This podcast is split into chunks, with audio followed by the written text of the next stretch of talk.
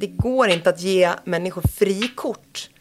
För att det är så lätt att missbruka makt. Även om du har fått makten för att du har varit en viktig person. Om du då börjar missbruka den, förgripa dig på människor eller, eller vad det nu kan vara. Så det är ju ett maktmissbruk som vilket maktmissbruk som helst.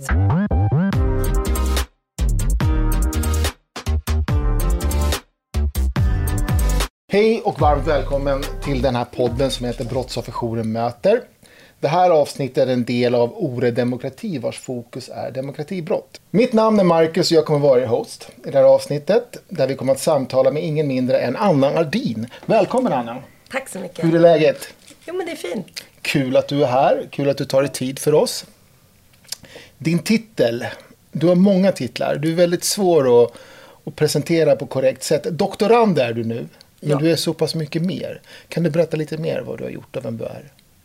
Men jag har jobbat väldigt länge med civilsamhällesfrågor eh, och hållit i massor av seminarier och sådär. Så att jag är ju jag är statsvetare och etnolog i grunden egentligen. Eh, och sen har jag utbildat mig till diakon och jobbat mycket med kyrkliga frågor och kyrkans plats i samhället och sådär. Så att diakon och forskare brukar jag väl sammanfatta det med. Mm. Du är också aktivist, antirasist, feminist.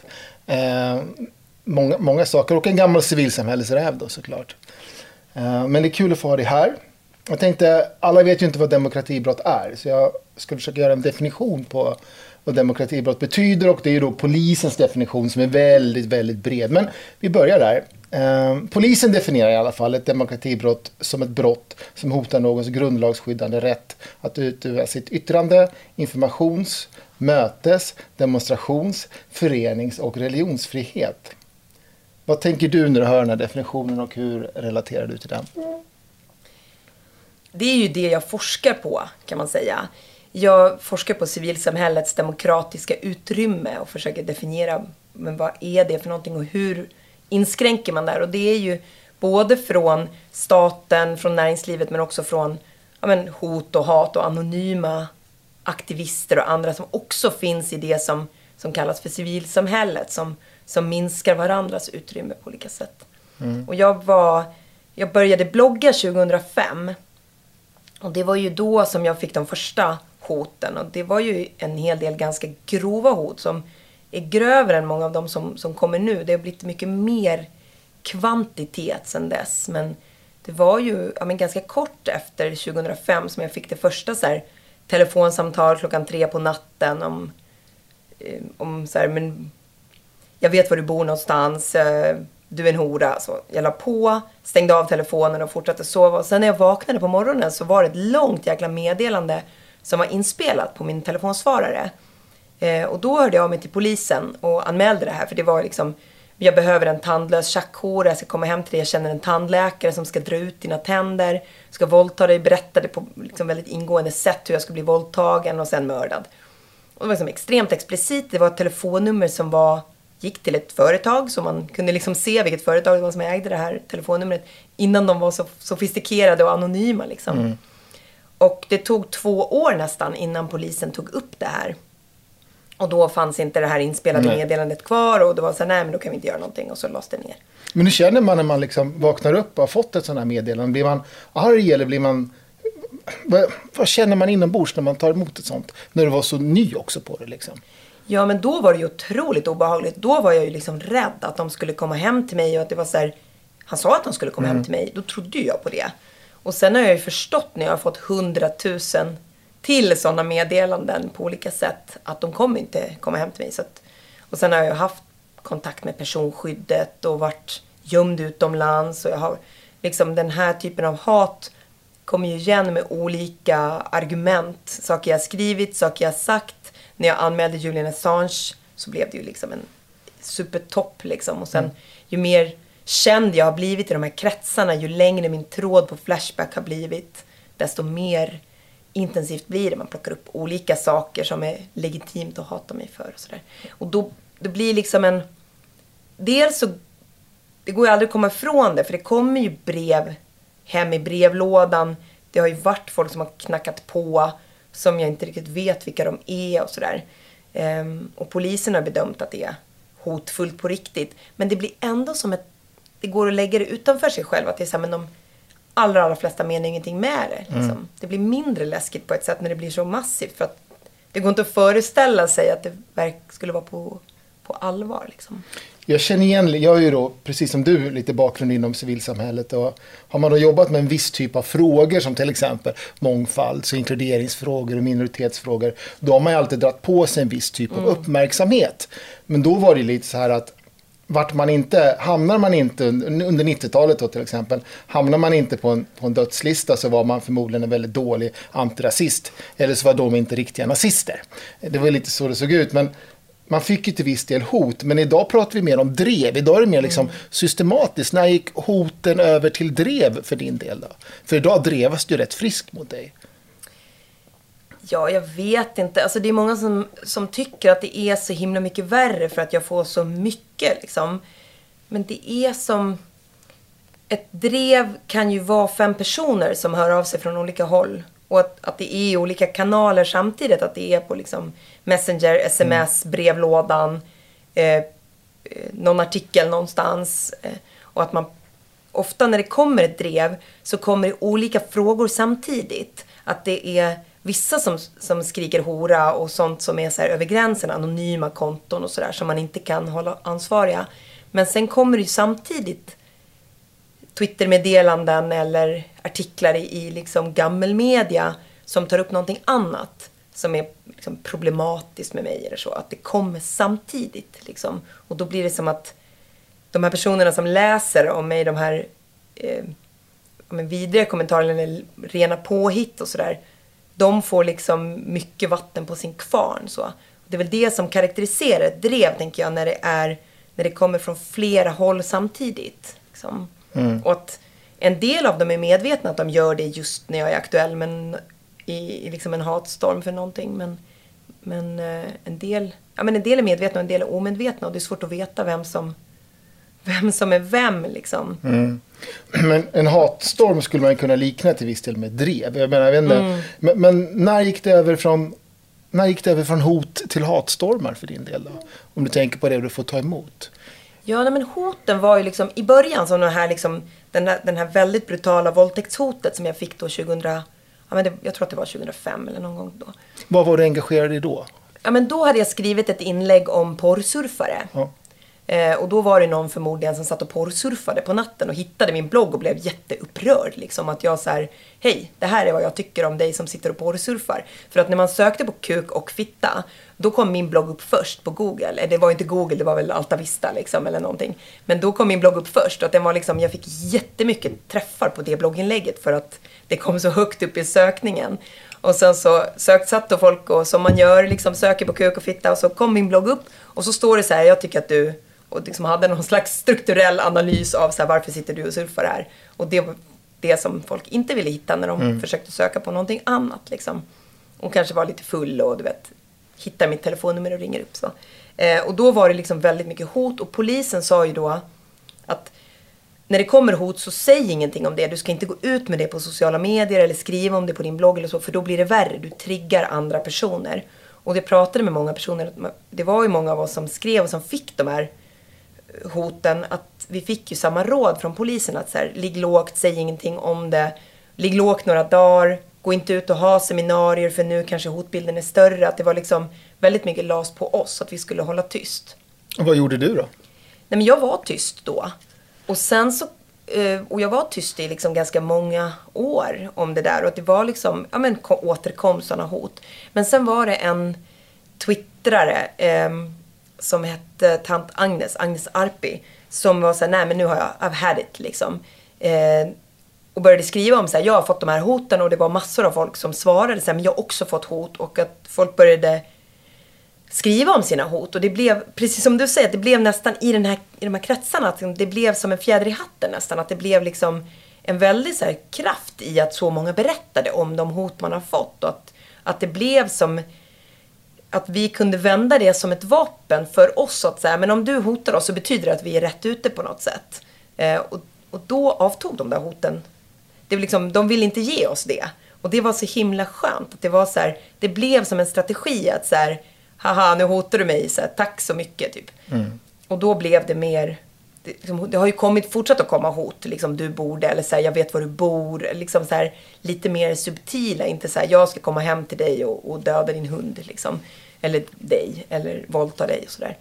Att den typen av hot har det skrivits väldigt mycket om. Och då har de avtagit. Att det blir mer, mer subtilt och mycket mer fokus på hat. Mm. Och på liksom att beskriva en som en irrationell person. Och det varit mycket också så här, ja men du borde spärras in. Men när man är mitt inne i det här drevet, när man är mitt i stormens öga, hur, hur känns det? Hur, hur, hur mår man? Hur tänker man? Liksom, hur, hur håller man huvudet kallt? Eller kanske inte det man ska göra. Jag vet inte. Berätta du som...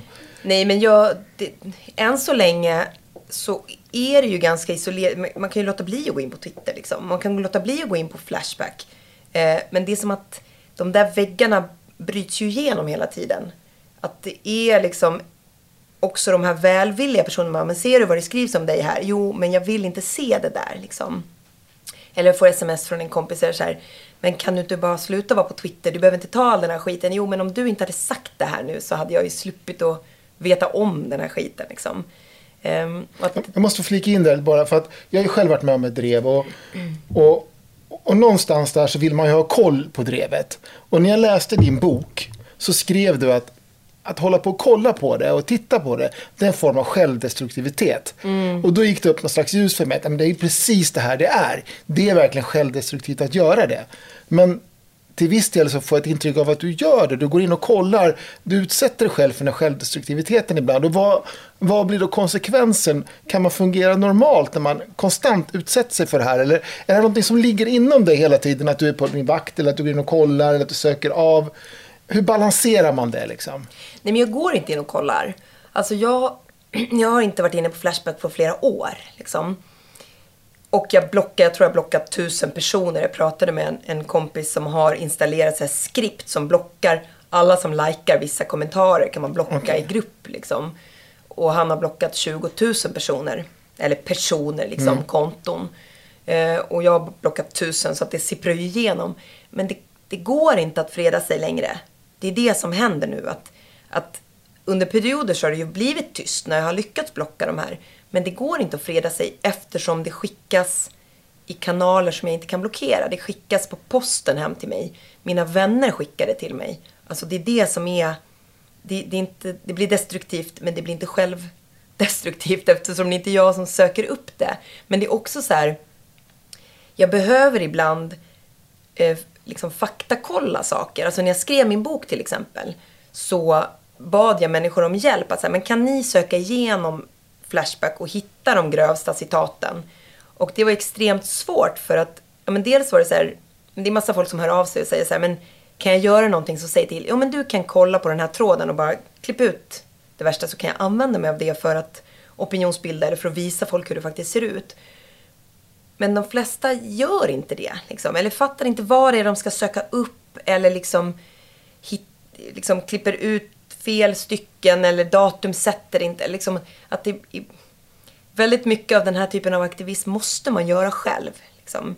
Jag måste gå in, logga ut från Twitter för att se de här kontona som jag har blockat. Om jag till exempel nu, men jag skrev en tråd om, om rasismen som präglar debatten om hedersrelaterat våld. Att så här, men en viktig fråga som har kapats av rasister för att slå på människor som, som inte har någonting med saken att göra eller som till och med mm. motarbetar hedersrelaterat våld. Och då är det så här, men så vill jag visa att man använder skam och skuld för kvinnor som går utanför sexuella normer i de här högerextrema kretsarna. Och då behöver jag hitta några sådana exempel.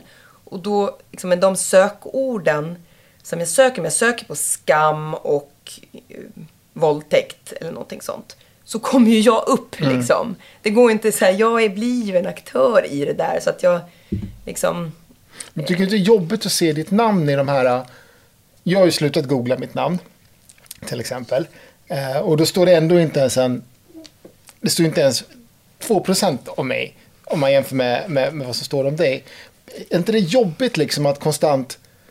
Känner du inte att du alltid måste vara på din vakt liksom? Jo, absolut. Alltså jag får ju jag får hjärtklappning liksom av att så här, väldigt ofta så är det liksom det första jag tänker på på morgonen är så här, vad som har sagts eller skrivit om, om det kommer hända någonting med, med mina barn. Alltså det blir ju, det kryper ju in under skinnet. Och det finns ju en, men jag har lärt mig det av, av eh, den här organisationen som heter Klimatpsykologerna. De är ju väldigt, de pratar om klimatångest, men jag har ju samma typ av ångest, inte bara om klimatet, utan framför allt kring demokratin, det som faktiskt händer. Att jag tycker att Twitter är ändå ett, ett slags eh, lackmustest för vad som händer i samhället. Att det, det som händer på Twitter, att man kan sk- avskärma sig för det där, men de får ju mer och mer parlamentarisk makt. Och det som händer på Twitter kommer ju hända och händer redan nu i myndigheter, i, i parlamenten, i, liksom, det kommer ju in där. Och att det är så här, jo men det vore ju nice om vi bara kunde blocka det där. Men det kommer ju bli vårt samhälle. Det kommer ju vara vi som inte, som in, vi kommer inte kunna freda oss från det här. Det, det kommer inte vara självdestruktivt utan det kommer bli destruktivt för oss om det här får hålla på. Och då att, att jobba med att motverka det går ju liksom hand i hand med att utsätta sig för det. Och klimatpsykologerna, det de säger är att det bästa sättet att bota klimatångest är att engagera sig och göra någonting åt det. Alltså att engagera sig i klimatprojekt. Och den, det är ju mitt sätt att hantera demokratiångesten. Liksom, så här, samhällets förestående kollaps. Istället för att gå runt och tänka så här, shit, det här kommer hända. Att engagera sig i att det inte ska hända blir ju ett sätt att kanalisera den ångesten. Så jag engagerar mig nu och skrattar jättemycket åt de här trollen, åt hoten, åt hatet. Och det blir kul att, att liksom komma på olika projekt, starta upp saker, skriva grejer eller skriva böcker tillsammans med... Jag har fått jättemycket kontakter med andra personer, feminister till exempel, som också blir upprörda när eh, misstänkta våldtäktsmän får fri talartid i SVT till exempel och, och smutskasta sitt offer. Att jag har varit med om exakt det där och jag ser det hända igen.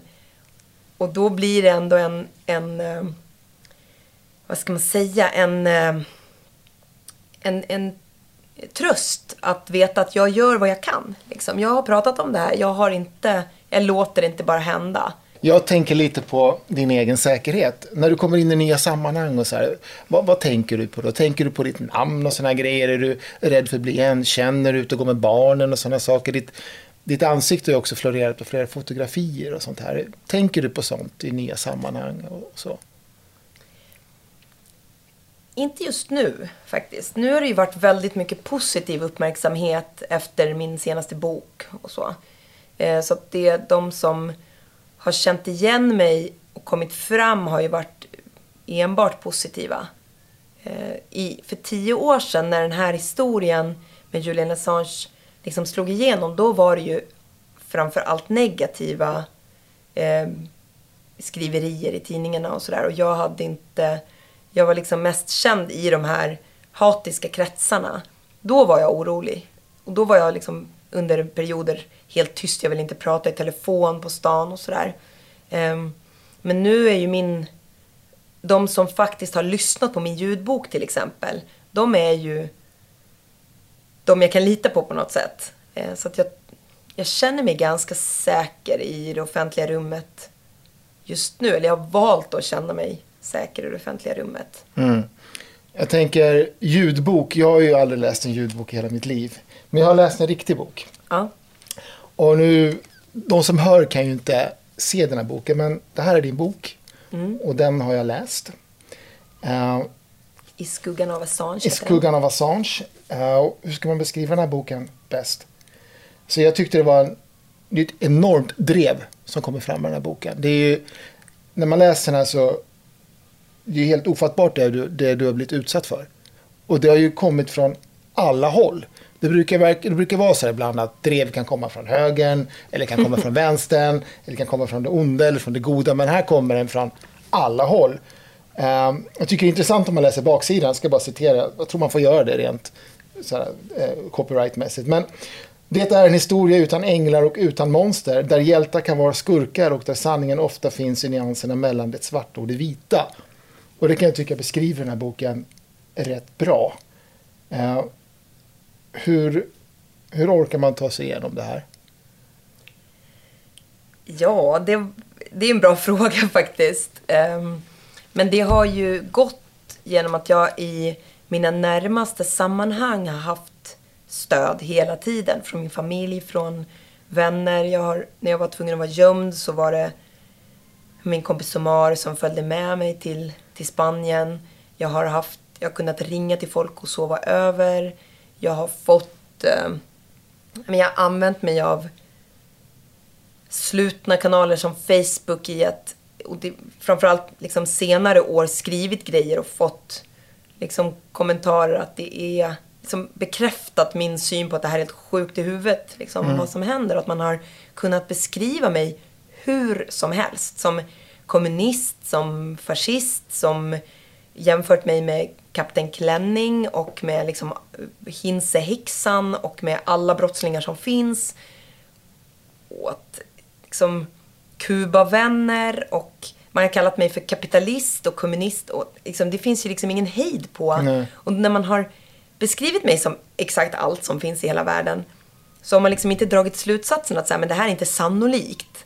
Eh, vi har nog hittat på en del. Utan man har sagt så här, ja om hon kan vara allt det här, då är hon nog sjuk i huvudet. Och det liksom blir så här, ja. Mm. Alltså att det har liksom inte, ingen logik har gällt i när drevet väl går. För att allt och inget kan vara sant på något sätt. Det är mycket i den här boken. Men någonstans, nu kommer inte det fram i din bok, men någonstans så måste du haft den här the wake up moment där du inser att mitt liv kommer aldrig bli detsamma igen. Mm. Var någonstans händer det här och, och, hur, hur tar du det då? Vet du vilken stund jag tänker på? Nej. Du skriver inte rakt ut i boken, det är massa olika saker. Men någonstans så måste du väl ändå ha känt, det är min fråga till dig, så måste du väl ändå ha känt att shit, nu, det här kommer, det kommer aldrig bli sig likt igen. Har du haft en sån stund? Ja, nej, men det var ju liksom först när det här hände och, och när storyn först kom ut så mm. blev det ju ett massivt drev liksom. 2010. Och då, då, då hade jag ju varit med om drev tidigare som handlade om helt andra saker. Och drev brukar ju lägga sig på två, tre dagar. Liksom när man har intervjuat alla och sådär. Och sen så går man vidare till nästa nyhet. Men det här fortsatte ju. Och det var liksom hela tiden, det var massor av olika turer och den här personen som jag anmälde eller som, som jag rapporterade om och som polisen anmälde gjorde ju massa olika utspel och det blev liksom hela tiden nyaktuellt så. Och jag hoppades hela tiden att så här, men det blir en rättegång och sen mattas mm. det av liksom. Och så blev det tystare och tystare och sen försvann han från radarn. Och blev under den här tiden också mer och mer känd. Det var ju liksom, när det här hände så var inte han särskilt känd. Man kände till Wikileaks, men inte honom. Och sen när han dök upp igen och hade liksom gömt sig i England i några månader. Det här var i augusti då, som det först kom ut. Och sen i december, då kom ju han fram och, och överlämnade sig till polisen. Då blev ju drevet tio gånger större. För då var han känd och då blev det liksom en, som en nyhetsföljetong. Så. Och då blev jag, det var då jag blev gömd utomlands och inte kunde bo i min lägenhet. Jag blev också av med jobbet i den här vevan och sådär. Eh, och då tänkte jag också att så här, men nu måste jag gömma mig ett tag och sen kommer det här att mildras av. Liksom. Och det var egentligen inte förrän det var egentligen inte förrän eh, det helt hade mattats av. Det kom, då kom ju också den här prata om det-kampanjen som gjorde att det vände och man började prata om gråzoner och, och kvinnors perspektiv på, på övergrepp och sådär på ett, på ett helt annat sätt än vad man hade gjort innan. Men det var egentligen betydligt senare för att jag beskriver det där, boken är skriven i dagboksform och hur jag också det här blir mindre och mindre aktuellt i media men jag fortsätter ju att må sämre för att mitt liv öppnar sig inte. Jag fortsätter ju att inte ha något jobb. Det är svårt, jag kan inte dejta för att folk får reda på att det är jag och bara oh, nej, är det du? Shit vad läskigt liksom. Du är ju på Twitter, höll jag säga. Du är ju på Flashback liksom.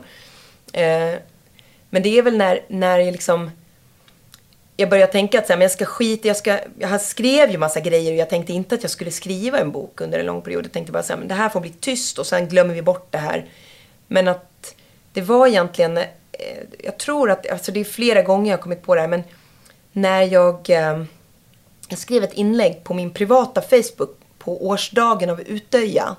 Där jag hade sett att Sverigedemokrater satt och spelade ett spel som, där man var Breivik och skulle skjuta ihjäl SSU-are och eh, mångkulturalister. Så.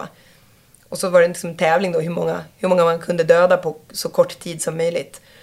Och så skrev jag att Sverigedemokrater och högerextrema firar dådet. Och då sa nej men de firade inte, de tävlade i att skjuta ihjäl SSU, det är inte tekniskt sett samma sak. Och då var det så här, vilken vidrig människa du är som anklagar en och en halv miljon människor för att eh, bla bla bla. Och sen blev det ett jättestort drev. Det där. Och då var det, då tog man upp, då hade jag ju blivit diakon. Och man tog väldigt mycket upp att jag är kristen och mm. att jag är satans avkomma och att jag kommer hamna i helvetet och att eh, Gud ska döma mig. Det var det ena spåret. Och det andra spåret var du är en hora, du anmälde Julian Assange, du ljuger, du är en bedragerska. Liksom. Så att det var så här, allting man kunde plocka upp på mig, inklusive Julian Assange, använde man då när man blev arg på mig för att jag svartmålade Sverigedemokrater. Eh, det, det läckte ut, det var någon av mina Facebook-kontakter som skärmdumpade och spred det här. Och, och det var väl där, tänker jag, där var ett sånt väldigt tydligt tillfälle att säga, men det här kommer inte gå. Liksom. Jag kommer aldrig slippa ifrån den här Assange-historien. De har bestämt sig för vad de tycker.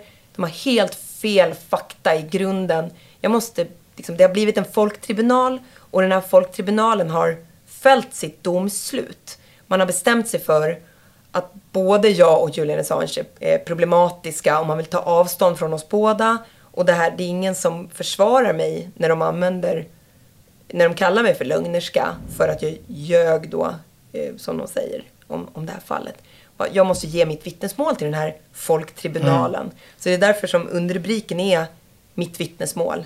För att det är i grunden ett vittnesmål om både övergreppet men också smutskastningskampanjen från honom, från PR-byråer, advokater och hatet som har följt efter det. Det är liksom det stora övergreppet, som jag ser det, är ju det här pågående drevet som, som fortfarande pågår, men som väldigt många fler kan försvara mig i och som i grunden har svängt, skulle jag säga, efter att jag kom ut med boken.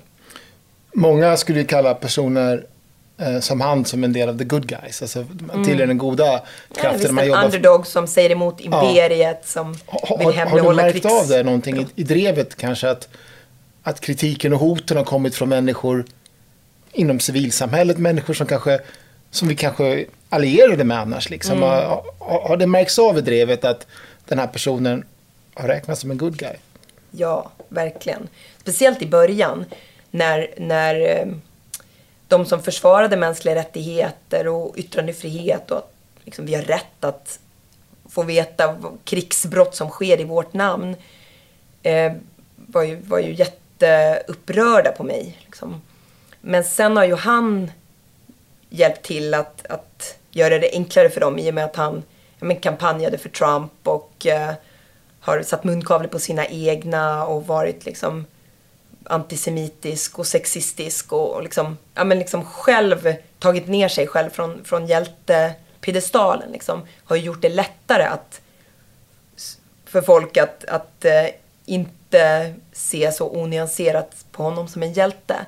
Men även om det inte hade hänt, även om han hade fortsatt att vara, liksom, göra viktiga saker för mänskliga rättigheter, så måste man ju, det, det, är det jag menar med den här att sanningen finns i gråzonerna. Att man måste kunna se att personer kan göra både bra och dåliga grejer. Liksom. Du är ju tydlig med det, med det i din bok också. Ja, men att sanningen inte finns i det svarta och det vita. Att det inte går att, det går inte att ge människor frikort. För att det är så lätt att missbruka makt. Även om du har fått makten för att du har varit en viktig person. Om du då börjar missbruka den, förgripa dig på människor eller eller vad det nu kan vara, så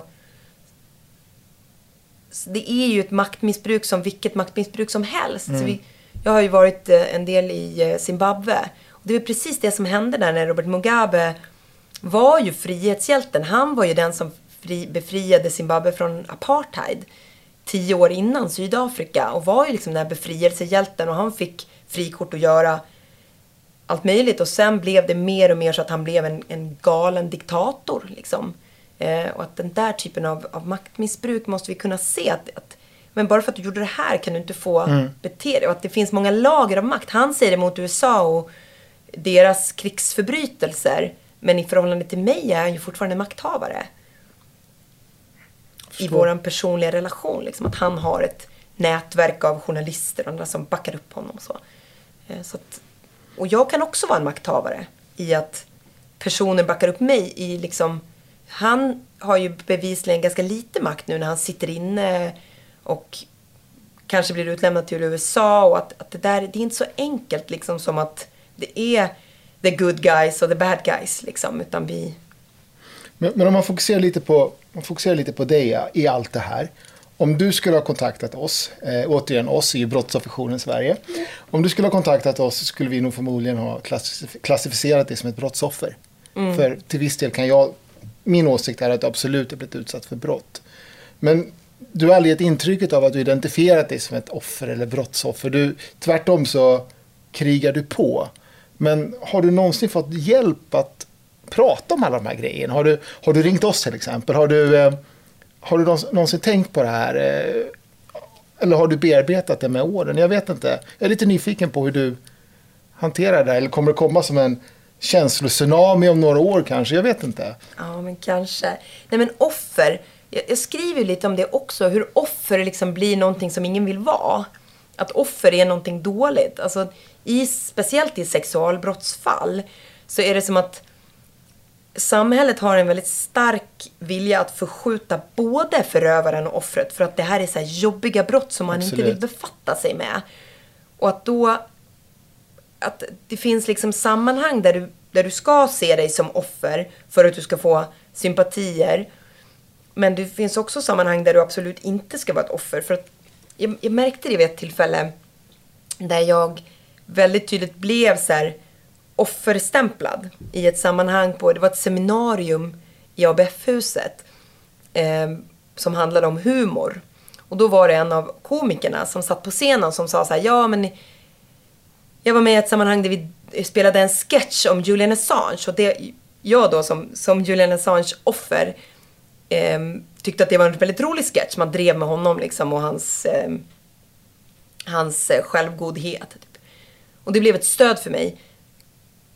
Och jag satt i den här publiken och den här komikern, hon var så här, ja och det blev ju jättejobbigt när jag uh, insåg att, uh, att uh, den här Anna Ardin satt i publiken och att hon liksom namngav mig, eller Anna Ardin eh, satt i publiken och att det blev så här, ja oh, stackars och då trampade vi kanske på ömma ja men du kunde ha pratat med mig liksom. Jag tyckte inte alls att det var en öm tå och att det var så här, men man ska tassa runt där offret och offer tål ju inte skämt och att man ska vara så försiktig och oj nej men det här är så känsligt och att liksom det blir så en position där man blir en, en jobbig person liksom.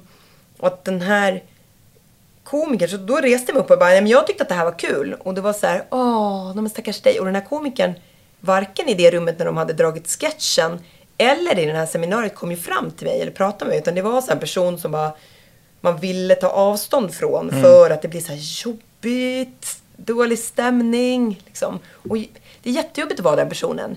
Jag vill så kunna skratta och dansa runt och du vet, dra skämt. Och inte vara den här stackars, stackars lilla tjejen som har varit utsatt för så hemska saker. Liksom. Fast jag är den stackars tjejen som har blivit utsatt för hemska saker också. Så. Att man vill inte vara någons offer och man vill inte vara någons förövare. Liksom. Men du måste också förstå att det är svårt för, för din omgivning också hur man ska Alltså, jag ja, vet visst. ju inte, nu, nu pratar men, vi om det du och jag, liksom, men, men, det är ju inte helt lätt för mig heller om jag, om jag satt mig in i din story och, och liksom veta hur jag ska bete mig också. Och vad Nej, som är okej okay att säga. Och, för man vill absolut inte liksom trampa på några ömma tår, som du sa. Nej, men visst. Nej, men visst, det är det. Och vi, brottsoffer reagerar ju väldigt olika. Samtalet kring att vara ett brottsoffer präglas väldigt mycket av att hur man ska vara som ett riktigt offer. Nej, men titta på den här bilden. Det var en bild som spreds efter, eh, liksom kvällen efter övergreppet skedde. Så var jag på en middag och då togs det en bild som har spridits på nätet. Så här, Titta på den här bilden, det ser ni att hon inte är utsatt. Ja, men hur fan kan ni se det på en bild? Det går ju inte att se. Liksom. Men väldigt, väldigt många tolkar det som att det går att se. Och att man analyserar liksom, vad är ett riktigt offer? Ett riktigt offer ska vara helt knäckt och eh, eh, ja, men förstörd på olika sätt och vara liksom superdeppig och superkänslig. Eller på något helt annat sätt. Att i olika sammanhang definierar man vad ett riktigt offer är. Och det går ju liksom aldrig att passa in i den bilden mm. av ett riktigt offer. För det beror ju på, varje brott är ju annorlunda också. Och att, att det där är så här, att försöka passa in i den där offerrollen, det är ju extremt svårt. Eh, och det tänker jag att det har ni säkert pratat om och skrivit hur många skrifter som helst om på Brottsofferjouren. Men jag har ett citat där i början från Maya Angelou om att, att ingen kvinna vill vara någons offer. Liksom. För att offer innebär så himla mycket som man måste leva upp till på något sätt. Samtidigt så är det ju obviously så att jag ser mig som ett offer. Annars hade jag ju inte velat gå vidare med en rättegång. Mm. Men så här idag, liksom, i vanliga sammanhang. Eh, för jag kan tänka mig att du vet lite också vilka frågor som kommer leda till. Du vet att om jag nu säger det här, om jag nu skriver det här, så kommer eventuellt det här och det här hända. Idag, utövar du någon form av självcensur på dig själv? Håller du tillbaka vissa saker för att undvika drev och hot och hat?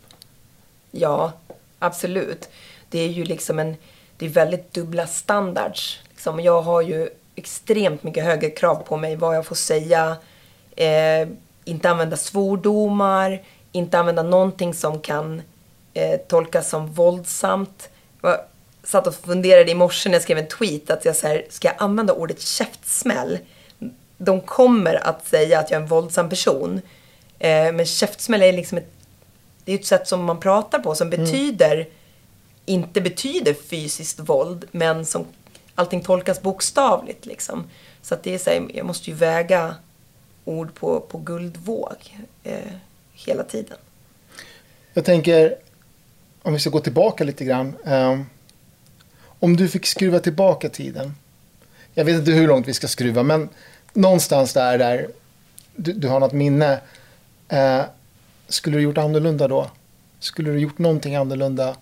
Eh, skulle du, eller skulle du fortfarande vilja vara i den här positionen du är idag som den aktivist och det du brinner för att du fortsätter. Du, du backar ju inte för någon. Dit kan man ju komma ändå tänker jag att man kan vara i det. Men skulle du vilja ha någonting ogjort när du tittar tillbaka? Nej, jag vet faktiskt inte. Jag har ju tänkt tusen gånger att jag inte borde ha gått till polisen den där gången. Att jag har ja, men, diskuterade med den här, för vi var ju två stycken som gick till polisen samtidigt. Och att ja, men den, hur jag upplever att det som jag sa till henne, att så här, man måste anmäla, det är viktigt, det är en slags aktivism. Att jag drog på mig det själv är en sak, men att jag också delvis drog på henne det. Det ångrar jag. Att jag, och det skriver jag också om i boken, hur jag inte skulle rekommendera andra och inte pusha andra att anmäla eller att gå till polisen. För att det som kommer efter är mycket värre. Att det där önskar jag att jag hade haft lite mer insikt i från början. Att så här, kunnat vara med och varna henne för de konsekvenserna. Um, och jag tycker att det är liksom, jag har väl valt den vägen att liksom inte vilja spekulera kontra faktiskt hur det hade kunnat bli för att det inte går att göra någonting åt det i mitt eget fall. Så att jag har valt att tycka att det är rätt, mm. att jag har tagit strid eh, och så. Men att det är det har ju blivit liksom... Jag tycker att jag har en väldigt stringent linje kring mänskliga rättigheter och att alla mänskliga rättigheter gäller. Jag var ju väldigt engagerad i hbtq-rörelsen, eller hbt-rörelsen som det kallades för då, eh, på men, slutet av 90-talet. När, när det var ett extremt hårt tryck mot homosexuella eh, och de beskrevs som spridare av smitta och pedofiler och sådär. Eh, och sen har jag sett hur utvecklingen för HBT och HBTQI-personer har gått i en väldigt positiv riktning sen dess. Och det som jag ser nu, liksom kvinnor har ju varit utsatta hela tiden och det har blivit bättre för kvinnors rättigheter men att muslimer är väldigt hårt utsatta. Och att jag har tagit väldigt tydligt strid för att så här, men det är inte okej att beskriva muslimer på det sättet som jag känner igen från hur man beskrev homosexuella på slutet av 90-talet. Som, som spridare av olika våldsamma ideologier eller pedofiler till och med. Liksom, att det är samma retorik, samma, samma skit. Liksom. Och att det, det drar på en väldigt mycket hat. Och att det där, det är svårt för folk att förstå. Jag tycker att det är stringent. Jag tycker att det hänger ihop. Liksom. Kvinnors rättigheter, homosexuellas rättigheter, judars rättigheter, muslimers rättigheter. För mig är det exakt samma sak. Det är liksom grundläggande mänskliga rättigheter, alla människors lika värde. Men för väldigt många så blir det en krock i deras huvuden. Och att det där är så här, ja men fundera mycket på hur skulle man kunna göra för att separera dem mer? För att få, hur skulle jag kunna vara tydligare? Men jag, jag har väl kommit fram till att det går inte för att folk vill blanda ihop det här. Folk vill inte förstå eh, att det är grundläggande mänskliga rättigheter. Man vill hitta dolda agendor för att jag vill införa islamism eller kommunism eller eh, mm. homosexualitet liksom. Du, talar ju, du har ju talat tidigare om den här vändningen i, i, i flödet liksom. Och, eh, och jag kan visst del tycka att den här boken är väldigt mycket upprättelse. Eh, men skulle den här boken ha kommit tidigare tycker du? Är den, är den skriven i rätt tid? Eller om den här boken hade kommit tidigare, hade det besparat dig? Jag vet inte riktigt, hade det besparat dig mer undvikit drev och sådana grejer? Jag vet inte, vad, min fråga är helt enkelt, borde den här boken ha kommit tidigare?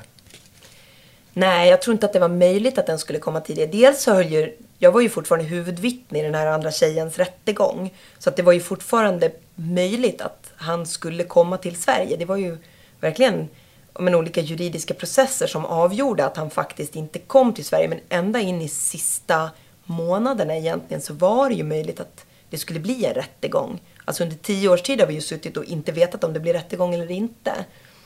Um, och jag ville inte blanda ihop folktribunalen med den juridiska rättegången.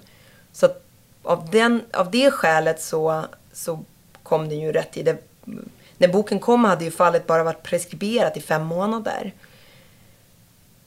Men kanske att den skulle komma senare. Alltså när, när det hade lugnat ner sig mer för, för oss båda på något sätt. När man hade liksom glömt bort det här fallet. Att det fortfarande varit medialt aktuellt. Att han är fortfarande inblandad i utlämningsrättegång och sådär.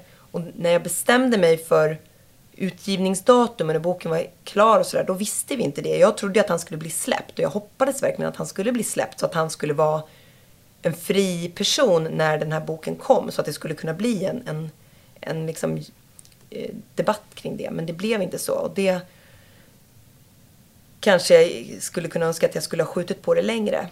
Mm. Det finns ju så här gammalt ordspråk från en film som heter, en fransk film som heter Hatet. Känner du igen den filmen? La Haine, känner du inte igen den? Men de säger i alla fall i den här filmen att eh, det spelar ingen roll hur man eh, faller, det viktigaste är hur man landar. Uh, och jag kan tycka att till viss del så passar in på dig, för du har ju du har verkligen landat med båda fötterna på jorden. Uh, men jag har en fråga till dig. För du har ju barn. Uh, och innan vi pratar om barnen kanske, jag, jag, måste också ställa frågan kring hur det har varit för nära och kära. Hur har de upplevt hela den här framförallt de här tio sista åren, hur har de tagit den här resan? Och har det varit så här ibland att de har stått bakom dig till 100 procent och kör, kör, kör eller har det varit Anna snälla kan du inte ta det lite lugnt, tänk mm. på oss. Hur, hur, hur har det varit och hur tror du framförallt? De kanske inte har sagt hela sanningen till dig heller, jag vet inte. Men kan du säga någonting om dina nära och käras resa? För det ska också tilläggas att vad som kommer fram i den här boken är ju ett globalt drev. Du har ju jagats av journalister från hela världen. Eh, platser där du har befunnit dig på har journalister invaderat. Det har inte varit det här lilla drevet om man säger mm. så. Hur har det varit för nära och kära? Nej, men det har varit, jag har ju på något sätt vant mig vid den här sjuka situationen. Men det var några brittiska journalister som åkte till Gotland. Eh, mina föräldrar bor på Gotland. Åkte dit och knackade på hemma hos dem. Och det var liksom när det har kommit journalister till mitt jobb och knackat på så har ju folk blivit väldigt så här, stressade och så här, helt ny situation för dem. Att jag är så här, jo men nu står det någon jäkel här utanför liksom. Och då har så här, oftast männen liksom på mitt jobb varit så här, ställt sig i vägen och bara, du vet, den här nervösa eh, res responsen på något sätt. Eh, men att mina föräldrar blev ju väldigt så här, nervösa och det har ringt ofta till dem och, och ställt frågor och sådär. Så att det har liksom trängt in också i deras vardag och personer runt omkring dem, deras bekanta som vet om det här, som har sett någonting om det på nätet. Ryktet har gått liksom. Och att folk har, men behövt tassa på tå, inte varit, det har varit känsligt, man har inte vetat om man får ställa frågor och sådär. Så att, eh, De har ju varit oroliga såklart.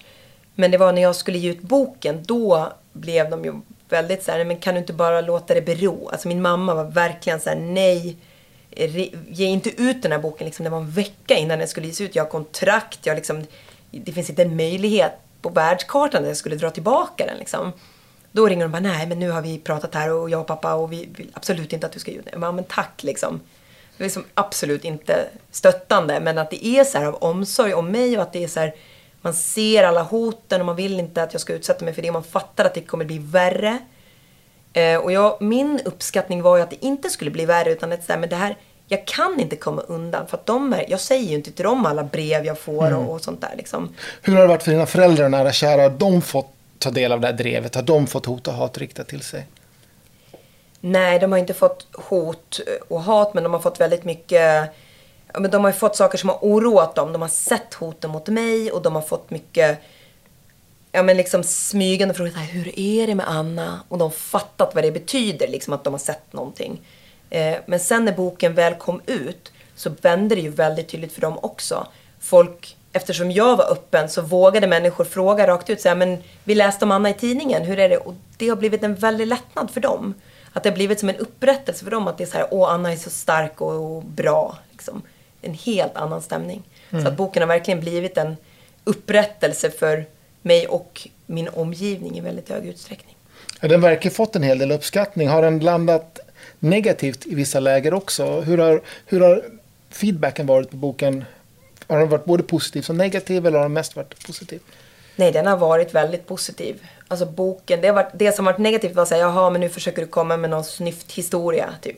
Eh, och att folk har blivit upprörda över att jag har synts på Karina Bergfeldt eller så. Men, eh, men det har varit väldigt positivt att personer ja, men som tidigare inte har vetat så mycket om fallet har läst och fattar att jag är en människa och kunnat försvara mig. Det har ju varit väldigt många som...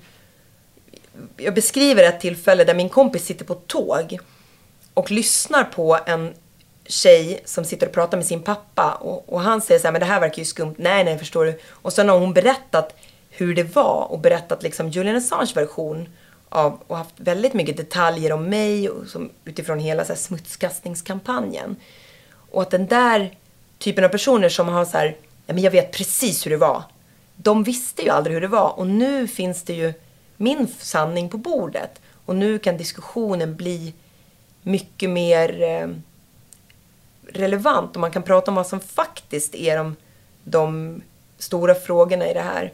Och man kan ha olika åsikter men nu finns min sida av historien också ute. Men om man tittar tillbaka på din sida och allt det du varit med om. Eh, och du har ju också barn, som jag sa tidigare. Och jag tänker när dina barn blir så pass gamla så att de får en viss del liten hum om vad du kanske varit med om. Och, och ditt barn säger till dig Mamma, när jag blir stor vill jag bli precis som du. Oh God. Vad svarar, vad, vad svarar man på det? Om du sett till vad det priset du fått betala, det du varit med om. Eh, och samtidigt de frågorna du har kämpat för. Mm. Och så kommer frågan, mamma när jag blir stor vill jag bli precis som du.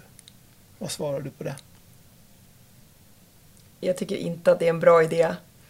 Ehm, jag, jag eh, skulle önska att mina barn var ja, men fokuserade på några saker. Nu är det som att jag har tagit så många strider eh, och att alla striderna vänds emot mig.